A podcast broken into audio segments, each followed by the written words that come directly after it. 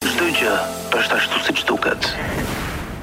Mirëmbrëma, unë jam Ana Shkreli, jemi rikthyer në çdo gjë është ashtu siç duket. Ëm ehm, um, tashi gjatë kohës ishte sigla, po vrisja mendjen tani ky është episodi 12, është episodi 11 i sezonit të dytë, por në fund të fundit numërimi nuk ka shumë rëndësi. Pse nuk ka shumë rëndësi? Sepse secili nga të ftuarit që un kam pasur, secila nga temat që ne kemi trajtuar, ka qenë në një farë mënyrë një univers komplet më vete, pra diçka e cila nuk mblidhet dot, nuk bëhet dot një një shumatore, po themi, e e gjithëve personazheve dhe e temave sepse të tëra në vetvete janë, do thoya një galaksi idesh dhe mendimesh.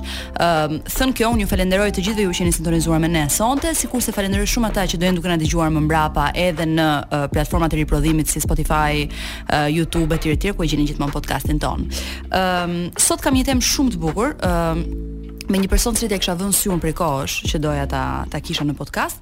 Ëm um, dhe flasim për artin, flasim për pikturën. Ne kemi bërë disa tema, por kjo është një këndvështrim komplet tjetër dhe shumë shpejt do ta kuptoni pse. Ëm um, shpesh të gjithë prej nesh hapim gazetat, hapim lajmet, uh, shohim televizion, ëm um, dhe hasemi me faktin apo me vepra arti të cilat vlerësohen dhe shiten në çmime marramendëse. Ëm um, sikurse i shohim dhe shpesh të trajtohen thjesht si mall nga tregtarë apo nga disa blerës të tyre që janë dhe koleksionistë. E gjithë kjo nganjëherë duket kontradiktore, fakti domethënë që arti i synuar në thelb si një kritikë shoqërore apo si një kritikë e shoqërisë dhe e vetë botës së artit në disa raste, uh, mund të përfundojë si një pasuri e vlefshme në kasafortën e një koleksionisti milioner apo në një nga portet e famshme të artit, si ato që janë në Zvicër, për cilat ne dhe kemi folur. Megjithatë, pavarësisht nga vlera ekonomike e artit në një sistem kapitali, Njerëzit vijojnë pra të frekuentojnë galeritë, ekspozitat e artit, sepse gjejnë një përmasë prekëse, gjejnë një përmasë të bukur, sfiduese dhe mbi të gjitha vetëndërgjegjësuese në veprat e ekspozuara. Uh, unë sot kam të ftuar Nea Tandinin, e cila është historiane arti. Uh, Nea ka studiuar në Sorbonne, Për histori arti, masterin e saj të parë shkencor e ka kushtuar hulumtimit mbi ikonografinë e gjykimit të fundit në Francë në shekullin e 16, gjatë reformës, kundërreformës dhe luftrave fetare, ndërsa masteri i saj i dytë shkencor ka për temë ikonografinë e letrave tarot në Francë në shekujt 17 dhe 18. Pas studimeve të saj, Nea ka punuar në një shtëpi ankandi në Paris, dhe një ndër kabinetet më të shquara pariziene të autentifikimit të pikturave të vjetra. Duke filluar nga viti 2020, Tandini, të cilën unë e kam në studio, pavarësisht se nuk po flet, se është pak e ndrojtur sot, iu rikthye mësimdhënies dhe punës së hulumtimit. Aktualisht ajo jep mësim në shkollën ISA, një shkollë menaxhimi tregtie arti, mbi historinë e artit rilindas. njëkohësisht Tandini punon për një akronim të cilin unë nuk e shqiptoj dot tani Nea Tandini, që është një startup që krijon një aplikacion edukimi dhe kulture dhe të gjithëpërfshishëm për fëmijët dhe jep gjithashtu mësim në formë seminarësh dhe leksionesh të hapura dy herë në vit nga 2021-shi në Universitetin e Arteve të Bukura të Tiranës dhe Shkencave Sociale. Nea Tandini mirë se vjen. Faleminderit Ana Shkreli për ftesën. Të falenderoj gjithashtu edhe për kohën që more që të më prezantosh. Nuk e di nëse të falenderoj për ngacmimin që më bëre që do jem jam një person një çik i ndrojtur, në fakt është e vërtetë, janë ato lloj ngacmimesh që njerëzve të ndrojtur i vendosin edhe më shumë në siklet. Por të falenderoj gjithsesi. Nea, uh, tani që ti je ndrojtur kjo u kuptua sepse unë nuk e di sa kohë kisha pa i ofruar të ftuar vetëm një pije alkoolike dhe ti tani je me një gotë verë përpara, kështu që kjo tregon që domethënë situatat ekstreme kërkojnë masa ekstreme, të cilave të cilat ne i kemi thirrur, ëh, sot si fuqi të mbinatyrshme. Nea, uh, ti jeton më së shumti në Paris, siç thamë. Ë uh, dhe mm. ke nisur ciklin e seminareve që përmendëm tek uh, për tek Universiteti i Arteve të Bukura dhe Shkencave Sociale. Ëm mm. uh, pyetja ime e parë është kjo, çfarë ka shtyrë një njeri si ti uh, që ka ikur tashmë prej shumë kohësh në në Francë, në Paris, ku ka studiuar dhe histori e artit. Mm -hmm. Dhe kjo është një nga arsyet për të cilat ë uh, nganjëherë uh, Nea gjatë diskutimit tonë do fusë dhe një fjalë anglisht, një fjalë frëngjisht apo po themi mund të ketë pak vështirësi sepse ka shumë kohë që nuk flet shqip në nivel po themi forma mentis pra në nivel uh, elaborimit të një mendimi pak më publik. ë uh, pse pse e ke patur të nevojshme që të kthesh një kontribut në këto uh, hapësira shoqërore apo akademike? Mhm. Mm um, do thoya që arsyeja e parë është vetë natyra e e njohjes, vetë natyra e e dijes është e tillë që ajo të ekzistojë duhet që të qarkullojë.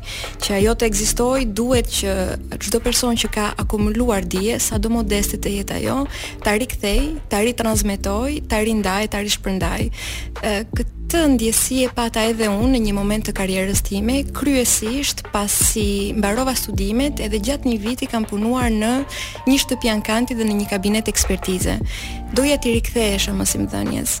dhe doja t'i rikthehesha gjithashtu dhe hulumtimit dhe nuk doja ta bëja në çfarëdo lloj vendi, nuk doja ta bëja në Francë ku po qëndroja tashmë prej 8 eh, viteve, doja të kthehesha në vetë vendin tim dhe po ta bëja këtë gjë. Pse? Pse në vendin tënd? Çar çar boshllëku pe ti që ishte një boshllëk që kërkonte në një farë mënyre një lloj mbushje, ëh, mm -hmm. për atë që mund të ofroje ti, që të kuptohet. Mhm, mhm. Po në fakt ka një uh, boshllëk sa i përket unë të paktën kështu e konsideroj sa i përket mm, historisë së artit si fushë studimi dhe doja të vija në vendin tim dhe të kontribuoja në mënyrë modeste duke dhënë mësimet e hapura. Ëm iu afrova dekanit të arteve pamore në akademi në universitetin më fal të arteve të bukura dhe ëm Në fakt, organizimi i një seminari të parë të hapur ishte një çik i vështirë, pasi të gjitha universitetet në Shqipëri patën um, çrregullimet e tyre të para pas pandemisë, që të cilave iu morën shumë kohë për t'u stabilizuar. dhe dhe pas një viti hulumtimesh dhe përpjekjesh në 2021-shin para një viti në dhjetor arrita dhe dhashë seminarin tim të parë, i cili ishte uh, asimetri simetrike. Po. Hm? Për të cilin ne do flasim, do kalojmë për momentin publicitet, pastaj do rikthehemi të flasim pse ky emër dhe mbi të gjitha çfarë koncepti trajton dhe sa i rëndësishëm është për edhe për realitetin shqiptar. Ne po flisnim për ciklin tënd të leksioneve uh, mbi uh, veprat e artit. Po. Uh, Asimetri simetrike. Mm -hmm. uh, më shpjego pak të lutem çfarë është? Çfarë do të thotë nga nisët? Po. Gjatë hulumtimeve të mia dhe studimeve të mia në historinë e artit, hasa kuptova që shumë tema gjatë gjithë historisë së artit um, puqen me njëra tjetrën, pavarësisht se ato mund të jenë të prodhuara si tema të lëvruara në pikturë ose në skulpturë me një distancë qindra vjeçare nga njëra tjetra. Dhe kuptova pra që e, e gjithë historia e artit, e gjithë historia e krijimit njerëzor vërtitet um, nga disa tematika, tematika thelbësisht njerëzore. Këto mund të jenë, kjo këto tematika mund të jenë vdekja, jeta, dashuria, identiteti, ndërgjegja, ndërgjegja para luftës dhe uh, në në sajë të këtij uh, ndërgjegjësimi, zbulimi, Doja që të bëja një seminar të shpluhurosur, pra nuk doja që të bëja të krijoja një seminar tipik akademik ku do të flisja në mënyrë kronologjike mbi veprat e artit, mbi artistët që kanë prodhuar, mbi uh, stilin, etc. Dëshiroja që të krijoj një seminar i cili do të inspironte studentët dhe i cili um, do t'i dukej i prekshëm, do t'ju dukej i prekshëm. Ndaj krijova um, ciklin e seminareve asimetri simetrike, ku unë ballafaqoj disa vepra arti me njëra tjetrën, të ndara kronologjikisht nga një kohë e madhe dhe i ballafaqoj ato sipas tematikave. Pra, vepra arti të cilat në qasje të parë mund të duken asimetrike, mm -hmm. por duke hulumtuar një çik më shumë, duke parë më afër, duke studiuar më afër, kuptojmë që në fund janë simetrike. I përgjigjem po themi me një pasqyrim të një vepre tjetër në një epokë tjetër, po. Bosht ishte ai. Me cilën e nisim të parën? Um, me një vepër e cila flet për vdekjen. Mm -hmm. Një vepër që um, sot konservohet në Palazzo Abatellis, në Palermo të Sicilisë, quhet Il Trionfo della Morte, edhe është e ekzekutuar nga një artist ende anonim, sot nuk e njohim, në vitin 1446. Çfarë si vjen? Vjen si një skelet, mm -hmm. uh, i cili kalëron, po, uh, një kal, po, po. themi. Ky skelet është është simbolizimi i vdekjes që kalëron uh, mbi një kal. Rreth uh, saj, rreth vdekjes, ndodhen njerëz nga shtresëzime të ndryshme shoqërore. Njerëz të kamur, aristokrat, ashtu siç dhe njerëz të varfër. Dhe vdekja duke kalëruar uh, mbi to, i vret në kalimin e saj. Është një imazh i cili kur u krijua për herë të parë ishte i ekspozuar në oborrin e një spitali publik.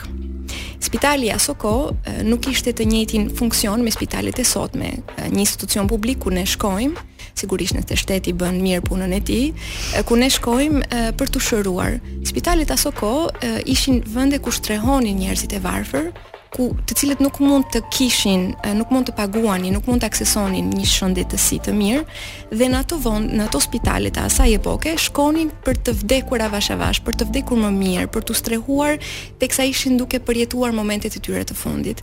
Pra, në ato spitale ku njerëzit praktikisht e dinin shumë mirë që do të vdisnin teksa do të shkonin do të, të strehoheshin aty, teksa herë pas here shëtisnin oborrin e këtij institucioni, shihnin para syve një imazh të tmerrshëm, në të cilin ilustrohej vdekja që po sundonte mbi të gjithë, në mënyrë të barabartë, të pasur apo të varfër. Ky është një imazh i cili për një për një shikues të sotëm mund të duket mjaft paradoksal, si ka mundësi që në një vend ku të gjithë e dinë që do të vdesin, paraqitet vdekja. Është një imazh i cili jep shpresë në të vërtetë, të paktën për atë epokë, në epokën ku është ngjizur dhe është realizuar. Shpresë sepse i thotë shikuesit së pari ti je i i i barabartë me të gjithë para vdekjes. Së dyti, duke qenë se vdekja është i vetmi fenomen i sigurt në jetën e secilit, atëherë jetoje jetën tënde, aq sa të ka mbetur ta jetosh, aq sa mirë, aq sa më mirë dhe aq sa më ndershëm të jetë e mundur. Është shumë interesante, përveç një ë uh, ndërhyrje të shkurtër pak humoristike që përveç vdekjes sot edhe taksave nuk u shmangësh dot, por kjo është shprehje amerikane, kështu që nuk po e, e amerikanizojmë kaq shumë. Dua të them këtë gjë që ë uh, me Il Trionfo della Morte që ti përmende, uh, mua m'u kujtua që përkimet apo pasqyrime të tematikave apo të rafiguracionit nuk janë të njëjta vetëm nga një pikturë në tjetrën, po janë në një farë mënyre të njëjta edhe në një imagjinar kolektiv, i cili mm -hmm. shpesh shkon të prek edhe në një po themi medium tjetër, siç është në këtë në këtë rast, në rast se ju do të sjell në vëmendje, mediumi i poezisë, mm -hmm. uh, që unë di që ti e shijon kaq shumë. Ëm mm -hmm. uh, dhe doja të thoja që këtë imazhin e vdekjes si një skelet që uh, i grah një kali, e gjejmë edhe tek një nga uh, poezitë e Charles Baudelaire, ë uh, që titullohet Një gravurë e çuditshme. Ëh. Mm Uh, a kjo është një pjesë pje, është një poezi që është pjesë e përmbledhjes së uh, Luleve së Keqes, që është edhe Les Fleurs du Mal. Po, ë uh, përmbledhja e tij poetike më e njohur, unë do ta lexoj poezinë. Ëm, ehm, uh, sepse mbase njerëzve do t'u pëlqejë dhe pse jo, mund të njihen më shumë me këtë poet. Ai shkruan, uh, njësoj si piktura që që përmende ti. Kjo fantazmë e rrallë Na paska për stoli, mbi ballë të saj skelet, vënë si për çudi, një diademë të frikshme, e ngjan si karnaval, pa fshikull, pa mamuze po grahka një kal. Fantazmë dhe ai kal apokaliptik, i shkumëzojnë flegrat si t'ish epileptik. Hapësirën tej e tej e çajnë fluturim dhe thundrat kuturisë i rrahin pa mbarim. Kalorësi valëvit një kordhë që shkrepëtin, mbi turma të panjohura shkel e rrapëllin. Si princ ai shtëpinë e vet e përshkon, varrezën e pamatë, të ftohtë, pa horizont, ku prehen nën ca rreze, bardheme e të shuara, njerëz të së tashmes dhe kohëve të shkuara. Mhm. Nuk është një koincidencë nëse Baudelaire e ka shkruar këtë poezi në vëllimin e tij Lulet e së keqes.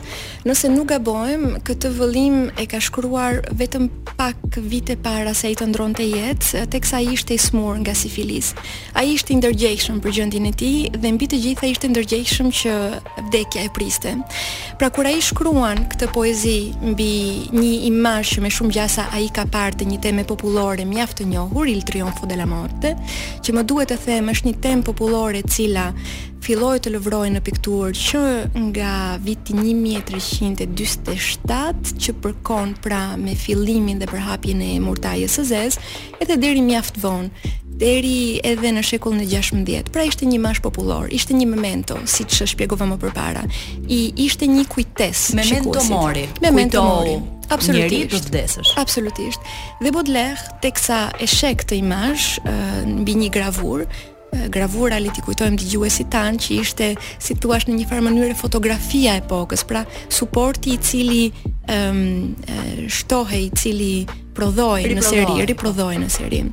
Dhe duke rënë mbi një imazh të tillë, pra mbi një imazhin e Il Trionfo della Morte, Kjo imazh i kujton situatën e tij, i kujton vdekjen e tij dhe këtë ndjesi kujtese, këtë ndjesi memento, ai e inkorporon në në poezitë e tij, në vëllimin e poezive të tij.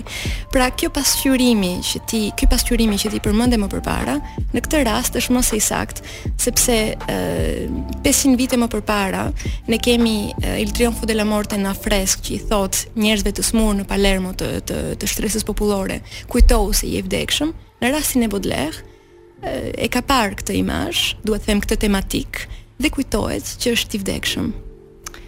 Në në ciklin tonë të seminarit me kë e përkon? Mhm. Mm me një vepër mjaft të njohur nga publiku kësaj radhe, Guernikën e Picasso-s. Ndonëse si paralelizëm, si paralel mund të duket mjaft i habitshëm, në fakt Il Trionfo della Morte, della Morte fresku i Palazzo Abatellis, nëse shikuesi, nëse di, nëse nëse dikush inkuriozohet ta shohi si vepër, do të vërejë që në qendrën e kompozimit ndodhet ky kal. Ky kal i cili është skeletik edhe ka gojën e tij të hapur. Po të njëjtin kalë skeletik ne e gjejmë në qendër të kompozimit të Guernikës së Pikasos. Dhe ka një paralelizëm midis tyre të dyve, i cili është vdekja, do flasim një çik më gjerë pas pushimit, imagjinoj apo jo. Do flasim pak më gjerë pas publicitetit që ti mësove direkt ta kuptosh këto monitore, ndërkohë që unë vazhdoj e të zgjat. Qëndroni me ne se do flasim pak më shumë për paralelizmin midis dy pikturave që i ndajnë shekuj në mes dhe si funksionon kjo në atë që quhet imagjinari kolektiv. Dëgjuam një uh, këngë Ela Ela, një këngë mhm. franceze që kam idenë që regjia e vuri në nder të Neas. Atëherë falenderoj ngrohtësisht regjinë që e kemi këtu. Nea, uh, ishim duke folur pak për paralelizmat, se bëmë një një pauzë të gjatë, diku ka 7 minuta që ishim duke folur pak për paralelizmat midis dy pikturave, folëm për Il Trionfo della Morte, dhe e vure në paralel me Guernikën po. e Picassos. Mm -hmm e cila ka një paralel shumë të fortë me këtë vepër, jo me veprën pra Il Trionfo della, Mor della Morte, jo vetëm sa i përket kompozimit të saj, por mbi të gjitha me ndërveprimin që Guernika pati me shikuesin e saj. E realizuar dhe e ekspozuar në pavijonin spanjoll të ekspozitës të ekspozitës universel në Paris në 1937-ën, Guernica është një vepër denoncuese kundrejt bombardimit që iu bë qytetit të Guernicës po të njëjtit vit. Është një vepër e cila ka një kopje, um, sot vazhdon të jetë e konservuar kjo kopja, kopje në, në suport tapiserie, vazhdon të jetë e konservuar në, sol, në selinë e kombeve të bashkuara në New York. Kjo vepër, pra kjo kopja, në vitin 2003, kur u mbajt një konferencë në krye me Colin Powell, e cila konferencë fliste për se si shteti amerikan hipotetikisht do të hynte në Irak militarisht, nëse do të ishte i dëshur i detyruar ta bënte, më fal. Kjo vepër u mbulua po të njëjtin ditë që kjo konferenca u mbajt. Përse? Sepse është një vepër e cila flet për vdekjen, por ama jo si fenomen natyror, por si një fenomen i shkaktuar nga vetë dora e njeriut, pra përmes luftës, përmes shkatërrimit, përmes çnjerëzimit.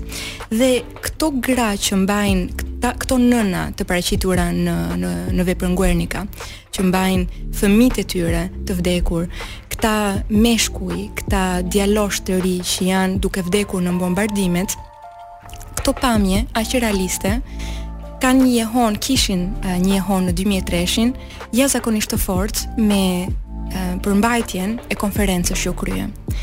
Dhe kjo vepër u mbulua. Çfarë do të thotë kjo?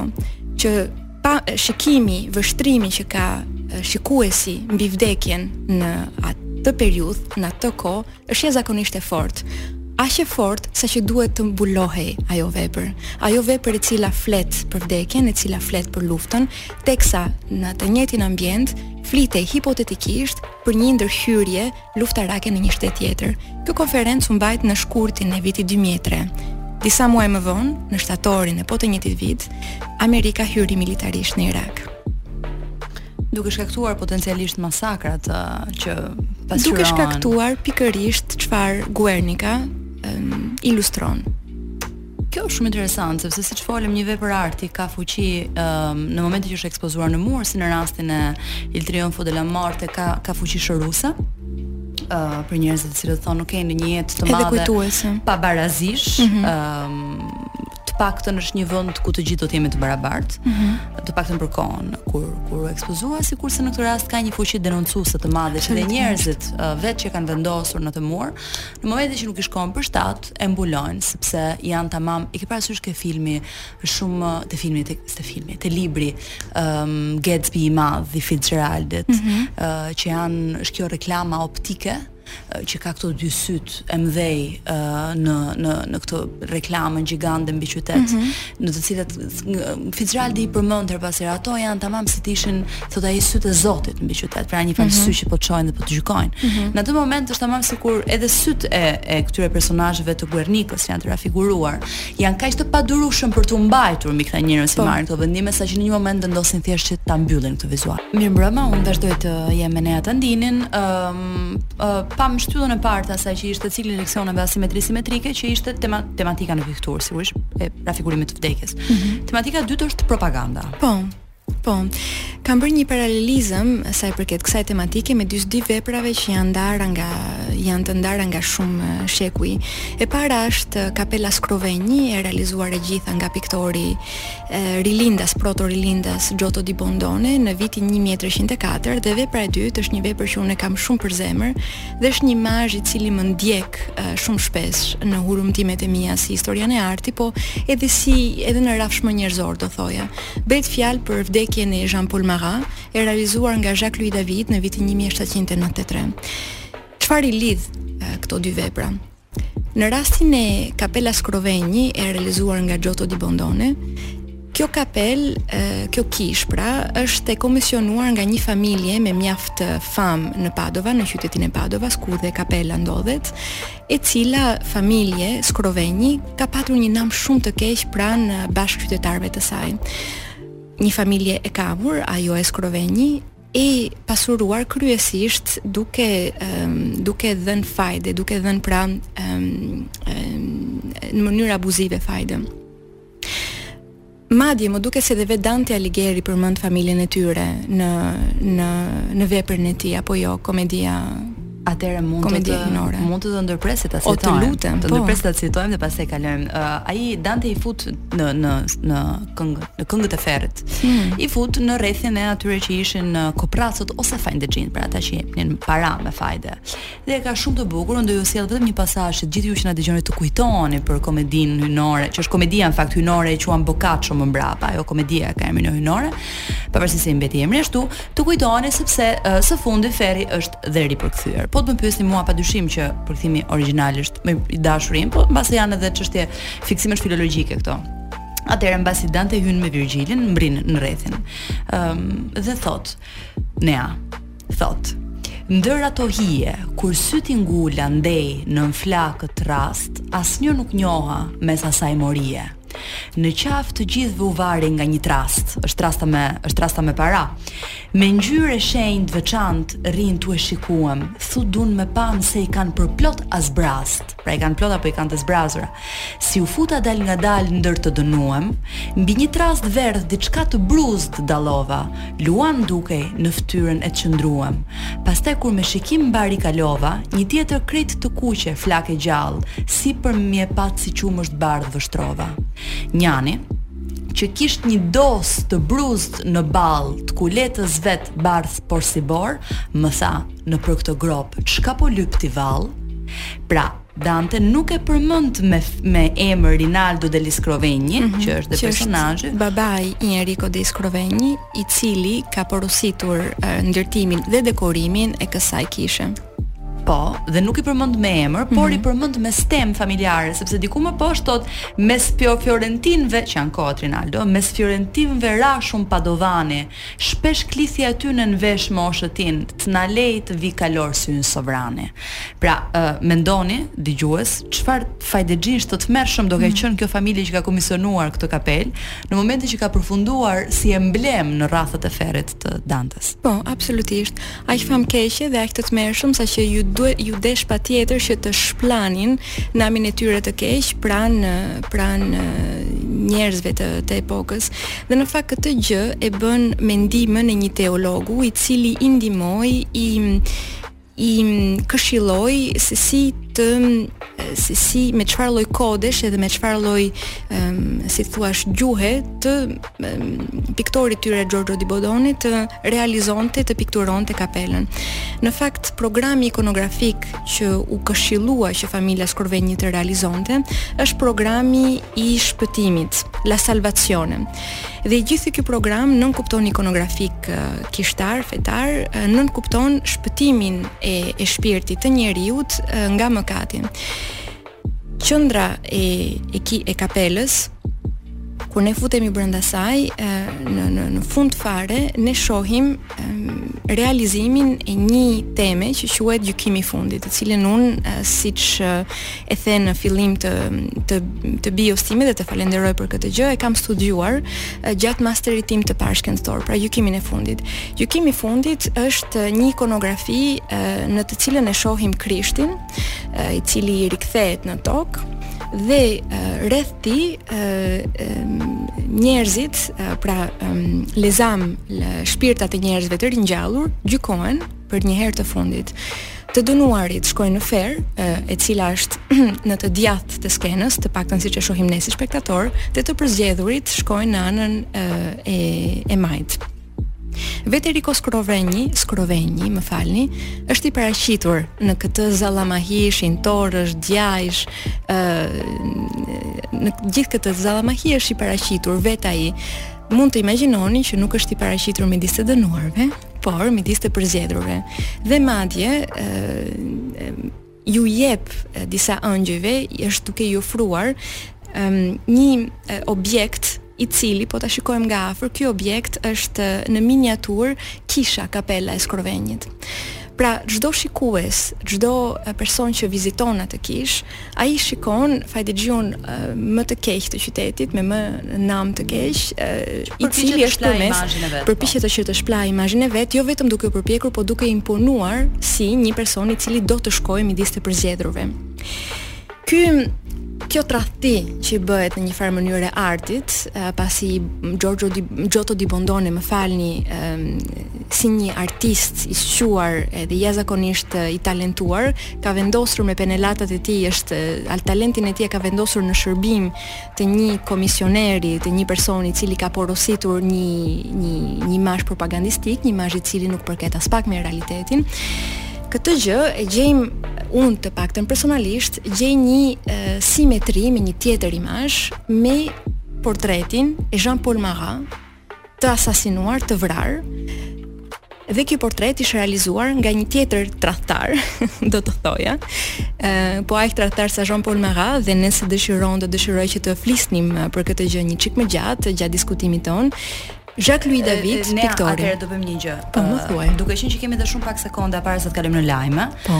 do ta ndërpresësh këtu diskutimin për Maratin sepse unë dua që ta bëjmë të qetë dhe të gjatë mbas lajmeve me gjithë minut minutazhin që meriton sepse vërtet dua të flasim për okay, të. Edhe për tradhtinë e madhe, jo vetëm ndaj artit, por dhe ndaj revolucionit. Absolutisht, po, një dopjo tradhti. Një dopjo tradhti, se folëm edhe për Robespierin që ishte ujor, çfarë?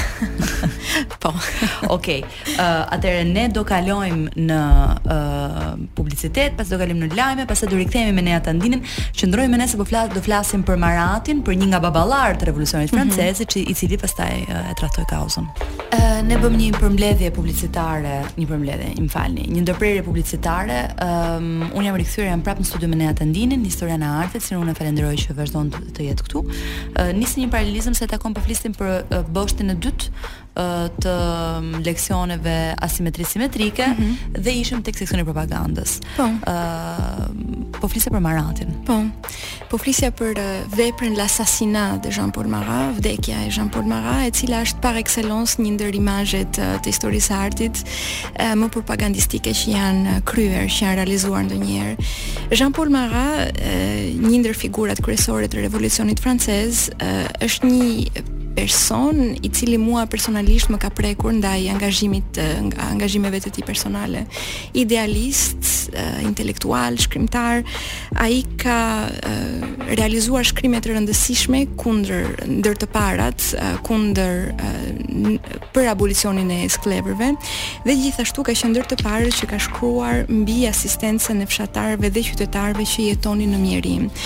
Po ky njeri u shndërrua në një burrë fanatik, intolerant, radikal, i ushqyer nga një urrejtje histerike kundrejt monarkisë. Ai filloi i shtyrë nga frika se mos do të gjykohej vetë ose se mos kundërshtarët e tij e vrisnin në mënyrë të babëzitur filloi të denonconte të gjithë ata që ose nuk e kishin përkrahur ose që në një moment të caktuar gjatë jetës ose karrierës së tyre kishin punuar ose ishin të asociuar me monarkinë. Pra u shndërrua me pak fjalë në një terrorist. Dhe ky terrorist kur u vra nga Charlotte Corday aso kohë vetëm 25 vjeç që mori në mënyrë shumë ideale uh, iniciativën, shumë idealiste iniciativën që të zbriste nga qyteti i saj i Caen që ndodhet në veri të Francës, ta bënte gjithë këtë udhëtim vetëm drejt në Paris dhe uh, përmes një thike të arrinte të futej në shtëpinë e Marat dhe të ta vriste atë. jo e shtyrë nga një ndjenjë mllefi, po e shtyrë nga nga ndjenja e nevojës që të ndalojë gjakderdhjen. Pra me gjakderdhje ajo u përpoq të të ndalojë vetë gjakderdhjen. Pra me një akt terrorist kufizon një terrorist. Po. Po. Po akti terrorist i saj u limitua vetëm tek një person, ndërkohë që Marati, Marat, Jean-Paul Marat, aktet e tij ishin fatkeqësisht shumë shumë më të shtrira, shtrira dhe të përhapura. kur uh, u, u vra Jean-Paul Marat nga, nga Charlotte Corday, uh, menjëherë Jacques-Louis David, i cili ka qenë piktori i revolucionit, iu komisionua menjëherë që të realizonte një, një vepër, një portret të, të Marat, që ky i fundit të, të kujtohej. Dhe Jacques-Louis David uh, mori vendimin që të, të realizonte portretin e këtij terroristi do të thoja, këtij tradhtari të vet mm, revolucionit, të vet kauzës për të cilën dikur me kaq idealizëm kishte punuar. Jacques Louis David mori përsipër që ta pikturojë në një pozë gati krishtërore, madje do thoja plotësisht krishtërore. Poza e Jean Paul Marat në në këtë tablo është e ngjashme me Krishtin në në Pietà, në në kompozimin e La Pietà, kur sapo i Krishtit, trupi i Krishtit, sapo i i zbritur nga kryqi, nëna e tij e merr në krah dhe është e shikojmë trupin e Krishtit të të të të, të kredhur, të të lëshuar, të, të lëshuar, po. të lëshuar. Ëm tamam si një martir i cili u vra për për hir të një kauze. Kështu është paraqitur Jean Paul Marat. Për më tepër, është paraqitur duke mbajtur një letër në duart e tij, në duart e tij të pajetë, edhe kjo letër shikojmë mbi të shkrimin e Charlotte Corday, e cila do të kishte shkruar, thuhej se i kishte shkruar, e kam diku këtu, ju lutem të më falni, doja të isha sigurt që do ta do ta thoja frazën korrekt. Shikohet pra mbi këtë letër, Il suffit que je sois bien malheureuse pour avoir droit à votre bienveillance, e cila do të përkthehet në shqip, është e mjaftuar, ish është i mjaftueshëm fakti që jam e palumtur për të pat për të patur nga ju mirësjellje. Kjo është pra një ndër letrat që Charlotte Corday Corday ka dërguar Marat që të përpiqet që të hyjë në shtëpinë e tij për ta për ta jo për ta joshur atë, por për ta bindur atë që ta pranojë të të të, të pranojë t'i hapte dyert e shtëpisë. Dhe në fakt këtë gjë bëri Marat, ë arriti dhe e priti në vet kabinetin e tij, në kabinet i cili ishte shndërruar në fakt në një vaskë banjoje sepse ai vuante nga një sëmundje lëkure që e detyronte atë të merrte disa banjo në ditë dhe ë i pambrojtur sigurisht në këto rrethana e pambrojtur Charlotte Corday e vrau dhe këtë ndër këto letra që Corday e, i, i dërgoi Marat për të arritur ta bindë që t'i jepte një shans që ajo të vendosej e, me të vetëm në një dhomë këtë gjë Jacques Louis David e, e pikturoi që ta e, të, të bëjë që Marat të dukej vërtet një viktimë e kësaj të poshtre e kësaj të keqeje Charlotte Corday, e cila e ka gënjyer këtë këtë hero, këtë revol, këtë hero të revolucionit apo jo. Është një pikturë e cila nuk ndodhet në Francë sot, nuk është e konservuar në në Paris, por është e konservuar në muzeumin në muzeumin në muzeumin më falni e Académie Royale de Belgique. Pse? Sepse kur vet piktori Jacques Louis David e la vendin, e la e la Francën, mori me vete disa piktura, ndër to edhe vrasja e Jean Paul Marat, e cila iu kujtonte francezëve pas rënies së Napoleonit, iu kujtonte të shkuarën e tyre gjakatare, gjatë gjaktare, gjatë gjatë revolucionit dhe nuk donin që as trupi i Jacques Louis David, po as vetë vepra e tij mbase më tradhtare sa i përket realitetit edhe ndodhive reale, pra asasina vdekja e Jean Paul Marat të kthehej në territorin francez. Qartë ne, shumë interesante. Ëm um, Kjo ishte sa i takon propagandës. Po. Ëm um, gjejmë përkime me ëm um, prodhim imazhesh. gjuhë imazherike. Gjejmë shumë përkime të ndryshme që druaj fort, pavarësisht vullnetit tim për të folur për të folur mbi të gjitha këto tema, nuk do të kemi kohë. Kështu që nëse më lejon, do të dëshiroja që thjesht të flisja në mënyrë shumë koncize për mbi disa prej tyre. Për shembull, një ndër temat që ne gjejmë që ka një një paralelizëm me të shkuarën dhe pse jo me të tashmen është selfie. Selfie që të gjithë sot e përdorim uh, si një mjet identifikimi në rrjetet tona sociale, që në fund të fundit janë një kartë vizite e kush jemi, çfarë bëjmë në jetë. Pra selfiet e para uh, në historinë e njerëzimit kanë qenë autoportretet. Autoportretet nga vetë krijuesit, nga vetë piktorët që um, pasqyronin përmes veprimtarisë së tyre artistike botën që iu rrethonte. Kjo është për shembull një ndër asociimet që kryej, se si pra selfie sot gjen shëmbulltyrën e saj në kohët e shkuara, për shembull në rilindjen ku ne shohim autoportretet e para të piktorëve, të cilët të shtyrë nga vetëdia e e identitetit kanë kryer portretin, autoportretin e tyre duke ditur shumë mirë që kjo do të linte gjurmë në në histori. Të njëjtën, për të njëjtën arsye, pak a shumë edhe ne bëjmë sot një selfie apo jo për ti për të lënë një gjurmë jo në histori, por përmes bashkëkohorëve tanë bëjmë një selfie e ndajmë atë në rrjetet sociale, nuk është pra një nuk është një realizim që ne e, e, e mbajmë në mënyrë të, të përvetshme, e ndajmë atë dhe duke bërë këtë gjë komunikojmë diçka bashkëkohorëve tanë. Unë jam këtu, unë jam kjo, unë jam ky dhe ja tek jam. E, të njëjtën gjë shikojmë gjithashtu edhe në autoportretet e para të historisë së artit. Më pas ka sigurisht edhe edhe tematika të tjera si ndërgjegja ndaj luftës, ose ndërgjegja, jo vdekja, po ndërgjegja ndaj vdekjes, temë të cilën do të lëvroj herën tjetër që do të ndodhem në Tiranë në mars të vitit 2023. Shumë interesante. Besoj se një pjesë e madhe e njerëzve që janë duke na dëgjuar do jenë edhe dëgjuesit e tu në uh, leksionin uh, tënd të hapur. Um, Nea, uh, ishe duke më thënë që një nga meraqet e tua sa i takon këtij podcasti ishte dhe ëm um, mbase shpjegimi më i mirë i mënyrës se si vetë këto imazhe ndërtojnë historinë. Po, absolutisht. Po. ë absolutisht, po. Dhe besoj se kjo pyetje do na çojë tek pjesa e, e dytë e bashkëbisedimit tonë, i cili e, do të shqyr, do të ligjëroj rreth e, leksioneve që jap kësaj radhe jo në Universitetin e Arteve të Bukura, por në Universitetin e Shkencave Sociale. Mënyra se si i ndërtoj këto këto leksione të hapura është e ndryshme në krahasim me, me tematikën e asimetrive simetrike. Kësaj radhe grumbulloj një tematikë të caktuar, um, pra grumbulloj disa vepra arti rreth një tematike të caktuar dhe flas mbi to në prizmën e historisë dhe të sociologjisë. Për shembull, hera e fundit që mësimi i fundit që dhashë tek Universiteti i Arteve të Bukura, e ulala, jo, kjo Universiteti i Shkencave Sociale. Po. Ëm um, është paraqitja e punëtorit në shekullin e 19 në artin modern francez. Është temë shumë interesante. Ëm, ehm, është temë shumë interesante sepse kam idenë që çon edhe në disa reflektime që mund të jenë reflektime më bashkëkohore. Po. Cilët janë uh, piktorët që ti po themi ke marrë kryesisht në revizion, nga do ta nisje ë uh, këtë tematikë?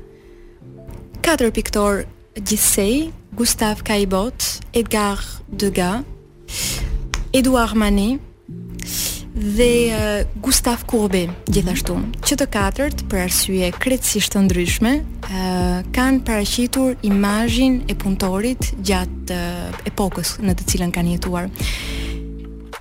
Tre nga piktorët, artistët që sapo përmenda janë borgjezë, janë me origjinë borgjeze, kanë i janë kushtuar artit në mënyrë profesionale, por pa patur trysninë e nevojës.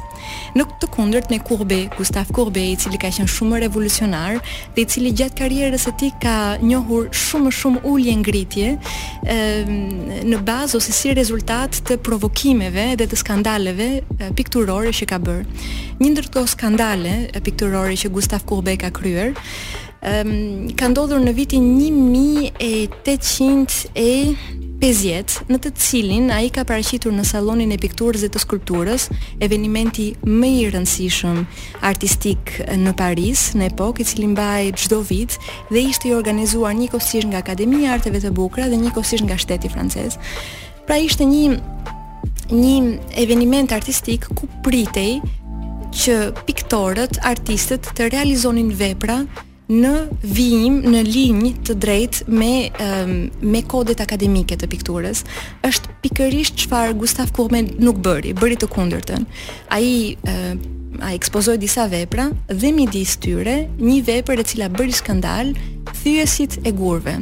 Sot kjo vepër është e shkatërruar, u shkatërrua gjatë luftës së dytë botërore në bombardimet e qytetit në bombardimet e, e në bombardimet pra që iu iu, iu bënë qytetit e Dresd.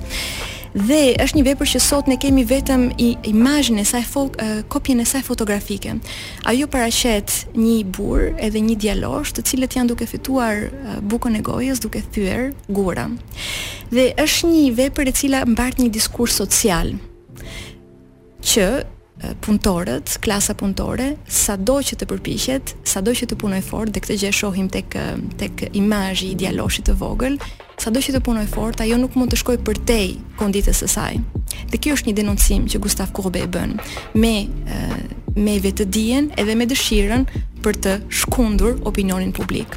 Nuk qe e njëjta gjë tek artistët e tjerë, të cilët më shumë prej më shumë prej kuriozitetit, por gjithashtu dhe më shumë prej dëshirës për të krijuar një subjekt skandaloz, morën përsipër që të krijojnë secili prej tyre, pra Kajbot, Dega edhe Mane, figurën e punonjësit. Dhe ky në burrë i realizuar pra i mishëruar në burrë, në fëmijë ose në grua. Secila nga pikturat ose veprat për të cilat do të flas tani gjatë këtij podcasti ka realizuar një skandal, një skandal shumë të madh. Dhe vetë ky skandal, vetë këto skandale janë domethënëse, janë simptomatike e një shoqërie të ngurtë së pari ndaj ndryshimit, së dyti përçmuese ndaj figurës së punëtorit, i cili u mishërua në artet pamore. Ëm kemi rastin një nga pikturat që ti ke sjellë në në revizion është ajo e gërryesve të parketit. Po. Apo jo. Gustav Kajbot e po. realizuar në 1875. Që shkaktoi dhe një shqetësim të madh publik kur po u ble në nivel institucional si si Po po, kuadër. absolutisht. Shkaktoi dy skandale publike shumë të mëdha. Kjo kjo është një pikë që mua prandaj ta tërhoqa këtu diskursin e. Kjo është një pikë që mua më duket interesante. Ti deri në këtë moment fole pikërisht për atë që ishte puna denoncuese mm -hmm. e këtyre artistëve përmes artit të tyre. Ëm, por ky kjo shpërfillje po themi e punëtorit edhe e konditës së tij shoqërore shihet edhe tek skandali që shkaktoi në momentin që një tematikë e tillë u ble si vepër arti nga institucioni. Mbi të gjitha shihet tek skandali që ka shkaktuar. Po. Mbi të gjitha. Kjo vepër, siç thashë më përpara, ka krijuar dy skandale shumë të mëdha. Hera e parë kur u ekspozua në sallonin e skulpturës dhe pikturës në vitin 1875, hera e dytë kur pas vdekjes së piktorit, kjo vepër u ble nga shteti francez dhe u ngritën zëra shumë të forta kundërshtuese që e cilësonin veprën si një plehrë, literalisht si një plehrë, e cila nuk duhet t'i bashkangjitej koleksionit shtetëror. Dhe në këto rrethana unë personalisht historiane përpiqem të kuptoj përse një hostilitet i tillë, për një përse një egërsi e tillë kaq e gjallë. Dhe mbase për ta kuptuar më mirë këtë reagim të publikut, mbase duhet që të përpiqemi të kuptojmë se çfarë vepra prezanton, çfarë ajo paraqet. Ajo në mënyrë shumë të thjeshtë paraqet tre punëtorë, të cilët janë duke gërryer parketin e një e, dhome e, osmaniane, e një dhome brenda një pallati osmanian në qendër të Parisit, pra, janë duke gryer parketin e, për ta rinovuar atë. Dhe është hera e parë që Gustave Caillebotte duke pikturuar këta punëtorë, të cilët me shumë gjasa kanë qenë në shtëpinë e tij, brenda vetë shtëpisë së tij në rinovimin e vilës së tij, teksa ata punonin ai ka skicuar i ka prezantuar dhe më pas i ka um, i ka realizuar në në një tablo. Dhe këta punëtorë janë gjysëm të zhveshur, i kanë krahët të zhveshura dhe janë të kërrusur mbi parketin, janë duke punuar me krahët e tyre muskuloze. Megjithatë, krahët e tyre pavarësisht se janë muskuloze, trupat janë të holla dhe të thata, pasi duket që janë qartësisht të kequshqyer. Dhe kam përshtypjen sa më shumë bëj hulumtime dhe sa më sa më shumë përpiqem që të kap the mood atmosferën e e e mendimit të epokës të publikut që gati gati publiku kur e pa këtë vepër për herë të parë gati gati sa nuk mendoi oh, punëtori ka hyrë brenda shtëpive tona po, brenda shtëpisë së borgjezit edhe ka mbuluar me djersën e tij muret e shtëpive tona Përse e them këtë gjë? Pasi punëtori asokohe në mendje, në perceptimin e klasës borgjeze ishte shumë specifike figura që ai paraqiste. Mjerimi ka qenë shumë i përhapur, mjerimi i klasës punëtore ka qenë shumë i përhapur gjatë gjithë shekullit të 19-të dhe këtë gjë, kjo gjë është e dokumentuar, kjo gjë është e e e, e pasqyruar përmes dokumentimeve të ndryshme të epokës. Mjerimi ka qenë aq i madh, punëtorët punonin, kryenin zanatin e tyre gjatë 10 orëve çdo çdo ditë, 6 ditë në javë dhe kjo vetëm me 15 minuta pushimi. Për t'i shpëtuar uh, mjerimit uh, në të cilën uh, ishin po po jetonin, disa prej tyre ranë pre uh, pre të alkoolizmit, uh, vajzat, gratë u prostitu, prostituoheshin për të rrumbullakosur të ardhurat e tyre dhe dhuna në familje ishte jashtëzakonisht prezente. Të gjitha këto sjellje, të cilat ndonëse reale janë të justifikueshme, janë të kuptueshme, të paktën për lexuesin, për dëgjuesin e sotëm, ato i dam e damkosnin këtë klasë sociale në përshtypjen në koshiencën e borgjezisë si një klasë e cila sillej me vese dhe sjellja e saj um, paraqeste një um, degradim um, moraliteti. Pra, po këta punëtorë, të cilët në fund të fundit e e e ils gagnaient leur pain e e arrinin edhe blinin bukën e tyre um, me me me punët e krahëve, nxirrnin nxirrnin bukën e gojës. Po. Nxirrnin bukën e gojës me punën e krahëve, po këta punëtorë, të cilët në mendimin e borgjezisë asokohe që ishte publiku i këtyre lloj ekspozitave kur kur publiku borgjez i shihte këta punëtorë në brenda në shtëpinë e tij ishte hera e parë që një pamje e tillë ekzistonte dhe sigurisht që kjo pamje kishte reagime nxiste provokonte reagime shumë të forta një nga njerëzit që iu kundërshtoi ë uh, dhe ëm blerjen e kësaj pikture ëm ishte dhe Léon Gérôme apo jo? Po. Që është një pik, një piktor i cili ka pikturuar gjerësisht arvanitasit. Po, absolutisht. Ëm këtë e tham sepse mbase e diskutuam bashkë po, fillimisht. Po, po, po. Mbase mund piktor... mund t'i thotë diçka dëgjuesve tanë. Mirëmbrëma dëgjues, unë vijoj ti me Nea Tandinin, e cila është um, siç e kemi prezantuar në fillim, është historiane arti, kemi bërë një revizion shumë të bukur um, të ciklit të vetë të parë të leksioneve asimetri simetrike, tani jemi tek cikli i saj i dytë i leksionit. të cilin e ka mbajtur para pak ditësh, që është pikërisht përfaqësimi i punëtorit ë uh, në pikturat e uh, franceze të shekullit të 19, ë, e thënë me pak fjalë. Ë uh, morëm dy uh, piktorë kryesorë në revizion, treguam se si shpesh uh, publiku nuk do të shohë fytyrën e vet të shëmtuar nganjëherë për këtë arsye dëshiron që këto piktura nganjëherë të mos varen fare, nganjëherë të mos blihen nga institucioni shtetëror, nganjëherë dhe të mbulohen atëherë kur ai ka atë që quhet ndryshe miza nën kësulë, pra.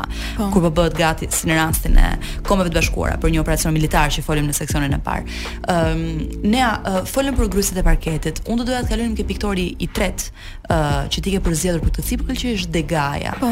dhe balerinat e tij, mm -hmm. që shumë të famshme, një subjekt i cili vjen vjen dhe rivjen vazhdimisht në krijimtarinë e tij sa në pikturë aq edhe në artin skulptorik. Po. Po, absolutisht. Edgar Degas është një piktor i cili impresionist, i cili gjatë karrierës së tij ka ilustruar, ka pikturuar aq shpesh figurën e balerinës, saqë publiku i ngjiti nofkën uh, Le peintre des danseuses, uh, piktori i balerinave. Dhe uh, përherë uh, mënyra se si i ka prezantuar këto krijesa kaq elegante, uh, në mënyrë shumë sharmante të veshura me tyle, shpesh të paraqitura mbi mbi chaussures en pointe, përherë i ka garantuar pranë publikut një sukses të padiskutueshëm, pasi publiku i ka mirëpritur përherë ato. Mirëpo gjërat ndryshuan në vitin 1875, ku Edgar Degas gjatë ekspozitës së gjashtë të pavarur impresioniste mori vendimin që kësaj radhe të paraqesi një balerinë, po, por jo një balerinë në mediumin e pikturës, po në mediumin e skulpturës. Kjo zgjedhje um, koincidon me një sëmundje të, të Degas, ai kishte filluar të, të humbte shikimin. dhe dimë që kontemporanët e tij bashkëkohorët e tij kanë kanë dokumentuar në shkrimet e tyre ata që kanë njohur prej së afërmi Degas që u thoshte ah piktori i cili është duke humbur shikimin nuk ka se si mos i drejtohet skulpturës pra skulptura është në njëfarë mënyre mediumi për atë për krijuesin që nuk e ka shikimin aq të mirë, por që ka dorën shumë të fortë. Kjo është shumë e bukur, sepse mm -hmm. është tamam si sikur flasim në rastin e njerëzve që janë me aftësi ndryshe, që mediumi i komunikimit të tyre mbetet pikërisht shenjat me duar apo prekja. Po. Po, e vërtetë. Edhe ky ndryshim mediumi përkon edhe me një realizim krejt ndryshe të figurës së tij aq të dashur të balerinës. Për herë të parë në karrierën e tij, Edgar Degas paraqet figurën e balerinës, jo të ndërtuar me artificat e e sharmit, jo të ndërtuar me artificat e elegancës, por e paraqet balerinën e vogël ashtu siç është. Si është balerina, çfarë jete bën? Balerina në shekullin e 19, sidomos balerinat që vallëzojnë për operën e Parisit. Zanati i tyre nuk ka qenë kurrsesi i njëjti me atë të një valltareje sot, e cila është angazhuar në një ndër teatrot më të mëdha të të botës. Një valltare asokohe, edhe nëse ishte e vogël në moshë, edhe nëse ishte 10, 11, 12, 13 apo dhe 14 vjeç, nuk ishte një nxënëse, e shkollës së operës së Parisit ku shkonte të të, të merrte pjesë në klasat e baletit të atij institucioni. Ishte një e punësuar nga ky institucion dhe punësohej dhe paguhej um, për të stërvitur 10 orë në ditë, paguhej uh, um, 2 franka, më falni. Mbase dëgjuesi në këtë moment që është duke na dëgjuar, do hamendësojë çfarë do të thotë dy franka, çfarë çfarë qu'est-ce que ça représente, çfarë çfarë përfaqëson, çfarë përfaqëson, po. Um, nëse dëgjuesi më lejon, um, 10 vite para se të realizohej kjo kjo kjo vepër, um, jo 10 vite përpara, më falni, vetëm 5 vite përpara teksa Parisi u rrethua nga ushtria prusiane në vitin 1870, kur uh, kur populli parizien njohi urin, 2 franka ishte çmimi i një miu kanalizimesh për t'u ngrënë, për t'u pjekur dhe për t'u ngrënë. Në atë në atë epokë, në atë moment jashtëzakonisht të vështirë për për për qytetin e Parisit. Dhe e, vërtet që ironikisht e, miu, fjala mi, mi kanalizimesh ka qenë gjithashtu edhe edhe nofka që u jepej balerinave të vogla në atë moshë që ishin të punësuara në operën e Parisit. Mm -hmm. Kjo gjë për dy arsye. Së pari sepse shtati i tyre i vogël të bënte të mendoje një një miush. Po, një po. miush. Arsyeja e dytë është fatkeqësisht shumë mm, e pakëndshme, do thoja, madje do shtoja e tra tragjike, sepse kjo nominacion, ky ky emër, um, iu referohej konditës së tyre sociale. Ishin vajza të cilat vinin nga një klasë, nga klasa punëtore, ishin vajza të cilat uh, shumicën e rasteve nuk kishin një baba, nuk e kishin uh, nuk ishin të rritura me një baba, dhe ishin të punësuara shumë shpejt për të uh, për të qenë për ta fituar bukën e gojës, duke duke vallëzuar, duke u stërvitur uh, në operën e Parisit. Opera e Parisit i punësonte këto vajza, i stërviste si si kafshë praktikisht, ndonëse shumë e vështirë për të dëgjuar, por ka qenë ashtu ka qenë realiteti dhe më pas i ekspozonte po ashtu si kafshë në gjatë gjatë spektakleve të mbajtura dhe të organizuara nga Opera e Parisit. Shpesh herë që këto vajza të rrumbullakosnin të ardhurat e tyre, prostituoheshin, ato prostituoheshin. Dhe kjo gjë, ky fenomen ishte i ditur, i, ishte një fenomen i përhapur, i ditur dhe i, I pranuar, pranuar për epokën, i pranuar. Ne kemi mjaft uh, gravura, ne kemi mjaft uh, portrete, ne kemi mjaft vepra arti uh, të asaj kohe të fund të shekullit të 19 që paraqesin pikërisht këtë fenomen. Çfarë ndodhte? Abonuesit e Operës së Parisit, mesoburra, të kamur, borgjezë, kur mbaronte një shfaqje baleti, kishin të drejtën të endeshin nëpër korridoret e institucionit. Dhe çfarë ndodhte këtyre neteve në sajë të këtyre korridoreve, dihej nga të gjithë. Shumicën e rasteve vajzat prostituoheshin. Dhe Kjo ishte realiteti pra e një vajze të vogël 14 vjeç, e cila punonte e ishte punësuar në Operën e Parisit. Duke realizuar një skulpturë të tillë, Degas, për herë të parë, Degas, për herë të parë paraqiste atë që nuk ishte bërë kurrë më parë në jetën e tij. Ai paraqiti realitetin. E cila duhet thënë që skulptura e famshme që ne e shohim dhe sot është vajza e cila e ka syt nga e ka kokën pak të përkulur, i ka pak syt nga toka, pra nuk ka uh, atë pamjen uh, të kërcimit që mbase mund të jetë realizuar si po themi nga ana plastike dhe në piktura të tjera, është një gjë që nuk u prit mirë nga vizitori.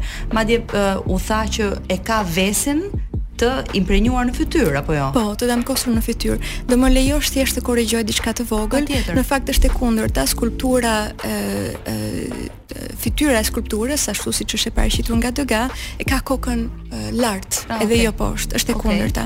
Dhe uh, pikërisht uh, impostimi i, i fytyrës së saj e ka bërë shikuesin të epokës uh, gjatë pra shikuesin që ka vajtur të vizitojë pres um, ekspozitën e gjashtë impresioniste që të shohë fytyrën e kësaj vajze, një vajzë e kequshqyer, një vajzë e popullit, një vajzë e cila sipas shikuesit të epokës vizitorit të epokës, publikut të epokës, kishte të damkosur në fytyrën e saj vesin.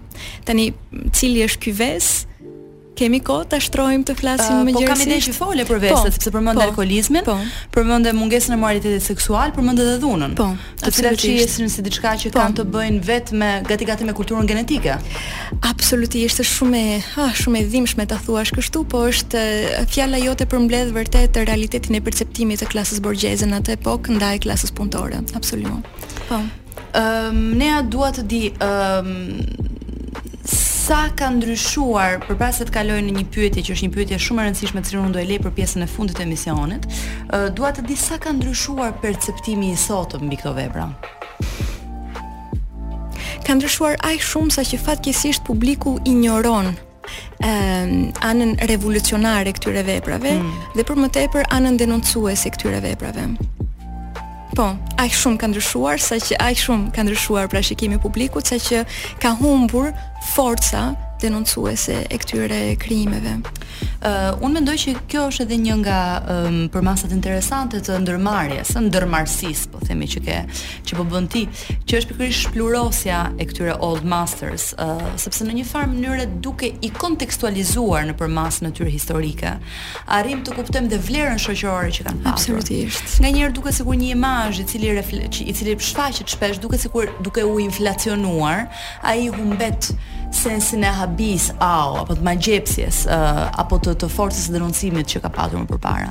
Ndërkohë që kontek rikontekstualizimi historik është përherë i rëndësishëm për të kuptuar pikërisht atë që folëm më parë, pra që është vetë zhvillimin historik, jo që pasqyra këto vepra, por që shpesh këto vepra kanë sjellë.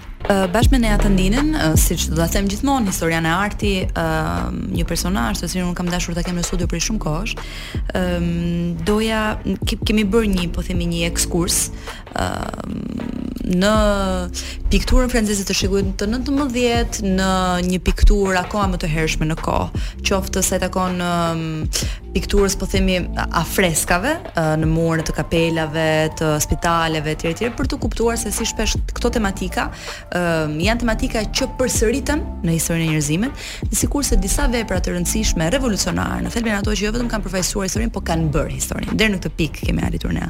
Sot, ë uh, pa dyshim që ke për fat keq kemi lënë jashtë gjëra, ë mm -hmm. uh, kemi lënë jashtë për shembull shërbyeset në banak. Po. Që ishte një Edouard Manet. Një vepër tjetër për të cilën kemi diskutuar bashkë, kemi lënë jashtë hekuroseset. Absolutisht, të Edgar Degas, po. Uh, të cilat siç ti e përmendë kur fole për vesin e famshëm, vesin e mhm. klasës mm -hmm. punëtore, po themi folën për këtë ves të cilin ishte dhe alkoolizmi, që po. është një element që i i i përshkon këto po. vepra, pra diku gjithmonë në sfond shohim po. edhe te gërryesit e parketit, edhe te hekuroseset, po. pa dyshim tek shërbyeset në banak është të thash plot me pije. Po. Aty ë uh, Kështu që për këdo, ky është një hint i vogël që njerëzit të munden të pasionohen pas kësaj teme. Po. Unë mendoj që kjo është gjë e rëndësishme, arsye pse e bëjmë këtë podcast. Po. Është njerëzit të pasionohen, të kenë dëshirën të kërkojnë më shumë, të lexojnë më shumë, mbase të hyjnë në një komunikim me ty, dhe pse jo të vinë dhe në Ciklin e diskutimeve që ti do të nisësh në dy mijë e njëzet e treshin. Po e vërtetë. Që është një lajm shumë i bukur për të gjithë ne. Nuk e di nëse është i bukur, për mua është një një angazhim personal që do të kryej me shumë pasion, do të vazhdoj ta kryej me shumë pasion edhe me shumë dëshirë, me dëshirën e transmetimit, me dëshirën për të Frymëzuar, ata njerëzit që do vijnë do të më dëgjojnë tek Qendra Kulturore Destil, duke filluar që nga marsi i vitit të të ardhshëm. Do të vazhdoj këtë cikël e, leksionesh të hapura mbi artin, mbi historinë e artit, mbi këto vepra që mendojmë se i njohim, por që në të vërtetë mbartin brenda tyre histori njerëzore shumë më të prekshme edhe shumë më universale se sa mendojmë. Edhe shpesh dhe shumë të dhimbshme. Absolutisht. Uh, Nea un kam një pyetje. Uh, sot si përfaqësohet uh, mjerimi dhe varfëria në art sot? Do të thoja që nuk përfaqësohet. Edhe kjo në vetvete është një indikator shumë interesant. Është tabuizuar. Është tabuizuar, po. Po nuk është e vetmja gjë që është tabuizuar në në paraqitjen e imazheve. Shumë gjëra sot janë aseptizuar në krijimin e imazheve, shumë gjëra. Për shembull, imazhet e luftës. Francisco de Goya në vitet 1810-1815 ka bërë një seri gravurash në të cilat ka paraqitur pa as edhe një filtr të gjitha të gjitha të gjithë dhunën që lufta ka shkak, ka shkaktuar mbi civilët, se si trupat ishin të asgjësuar, se si se si ato ishin të profanuara. Sot, nëse për shembull do të dëshiroje që të bëje një paralelizëm imazhi që kemi nga lufta në Ukrainë, sot ne shohim e, nga imazhet në në luftën e Ukrainës Shohim makinat njëra të rendura mbas tjetrës, makinat e, e, linjat kilometrike të makinave që janë duke ikur nga qyteti. Autokolonat, po. Po, ose shohim njerëz të cilët janë me çanta nëpër duar duke ikur, duke emigruar nga qyteti i tyre.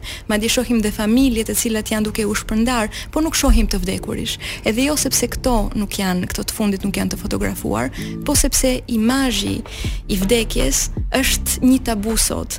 Përmendet vdekja, përmendet shkatërrimi e, që sjell lufta, po imazhi i vdekjes në vetvete nuk ekziston. Ose diçka tjetër në industrinë e, e modës e bukurisë, imazhi i plakjes nuk ekziston më.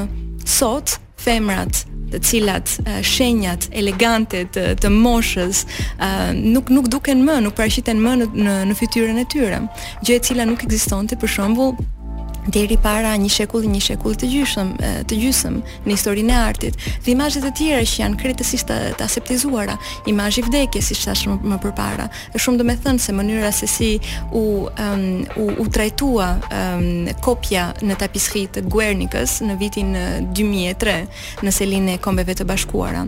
Sot kemi një shumëllojshmëri imazhesh sa i përket uh, sa i përket um, um, shumës, sa i përket uh, numrit, po uh, imazhet tashmë janë të aseptizuara, janë të filtruara. Dhe një ndër temat që janë të filtruara, do të thoja sot, është tematika e mjerimit. Sigurisht jo të gjitha shoqëritë vuajnë nga kjo e keqe e madhe, jo të gjitha të paktën vuajnë në mënyrë të barabartë. Shoqëritë të cilat janë në zhvillim e sipër, si për shembull disa vende në Afrikë, vuajnë nga kjo e keqe, nga mjerimi, nga varfëria. Ëm um, dhe për shembull, nëse ne shikojmë artistët kontemporanë afrikanë, si për shembull Omar Victor, i cili është mjaft i njohur në këto momente në Paris, është duke karriera e tij është duke u, u ngritur edhe po bëhet sa kalon koha dhe më i famshëm në në kryeqytetin francez, ose një tjetër një tjetër artiste afrikane, shpresoj t'ia t'ia them emrin qartë, Tanviwe Muriu, këto të dy artistët për shembull kontemporan afrikan paraqesin autoportrete të, të vetes së tyre, uh, paraqesin gjithashtu edhe imazhet të Afrikës të të të, të njerëzve të tjerë të mbushura me me elemente uh, folklorike të, të pasura me ngjyra, por kur paraqesin të tjerët ose veten, është përherë uh, uh, në në në në mirëqenie. Madje Omar Victor, e paraqet autoportrete të një burri me me lëkurë zeshkane edhe paraqet veten autoportrete me të gjitha kodet e pikturës rilindase pra e, e paraqet veten si mbret e paraqet veten si si një burrë të të të pushtetshëm e njëjta gjë edhe për për gruan artiste që sapo përmenda Madje jo më jo më vonë sesa Bienalen e shkuar e Venecias në në tre fi, fituesit që artistet që kishin fituar çmimet e para, njëra prej tyre vjen nga Uganda, quhet shpresoj t'ia them emrin e saj qartë, Akaje Kerunen dhe ajo gjatë veprave që ka ekspozuar në pavilionin ugandez të Bienales, Ajo nuk paraqet mjerimin e gruas afrikane, por paraqet punën artizanale, disa vepra të cilat ne si shikues na bën të mendojmë punën artizanale të gruas afrikane. Nuk paraqet në mënyrë të drejtpërdrejtë punën e saj. Pra dhe artistët që ia kanë arritur të shkëputen që vijnë nga e, nga që vijnë nga një shtresim modest dhe ia kanë arritur të shkëputen nga ai nëse paraqesin art, nuk paraqesin artin e tyre mjerimin, po e, bëjnë të kundërtën. Të kundërtën sikur dëshirojnë përmes këtij aksioni të të të të, të shkëputen të shkëputen shpesh të shkëputen dhe pse jo mos të ngasin atë që është miti që sot gjithkush po të punojë fort dhe po të studiojë fort mund t'ia dalë. Po, që është dhe një mit po. i ndërtuar, të që ne e kemi trajtuar edhe në një podcast më parë quhet miti i The Self Made Man. Mhm. Ë uh, ne unë do doja shumë që të vazhdonim të flisnim pafund. për këtë temë, por për fat keq podcastit tonë i ka ardhur fundi. Ë uh, tani po ma bëre shpejt, ka shpejt. Të thashë që të gjithë njerëzit më thonë o bo bo 2 orë, ndërkohë që ka ardhur shumë shpejt. Dua ti dua ta lë lexuesin vetëm dëgjuesin, mm -hmm. vetëm me një gjë për mitin e famshëm të Self Made Man ka shkruar Pierre Bourdieu një gjë shumë të bukur tek teksti i tij një kritikë shoqërore mbi shijen, në të cilën thotë që ky iluzioni kantian i, i intelektit që prodhon gjëra të bukura vet është diçka që në fakt nuk është reale sepse shija ndikohet edhe nga ato që janë rrethanat. Uh, thën kjo, unë ju lë sonte për t'u takuar prapë të enjten që vjen. Ja, faleminderit që ishe me ne. Të falenderoj për ftesën.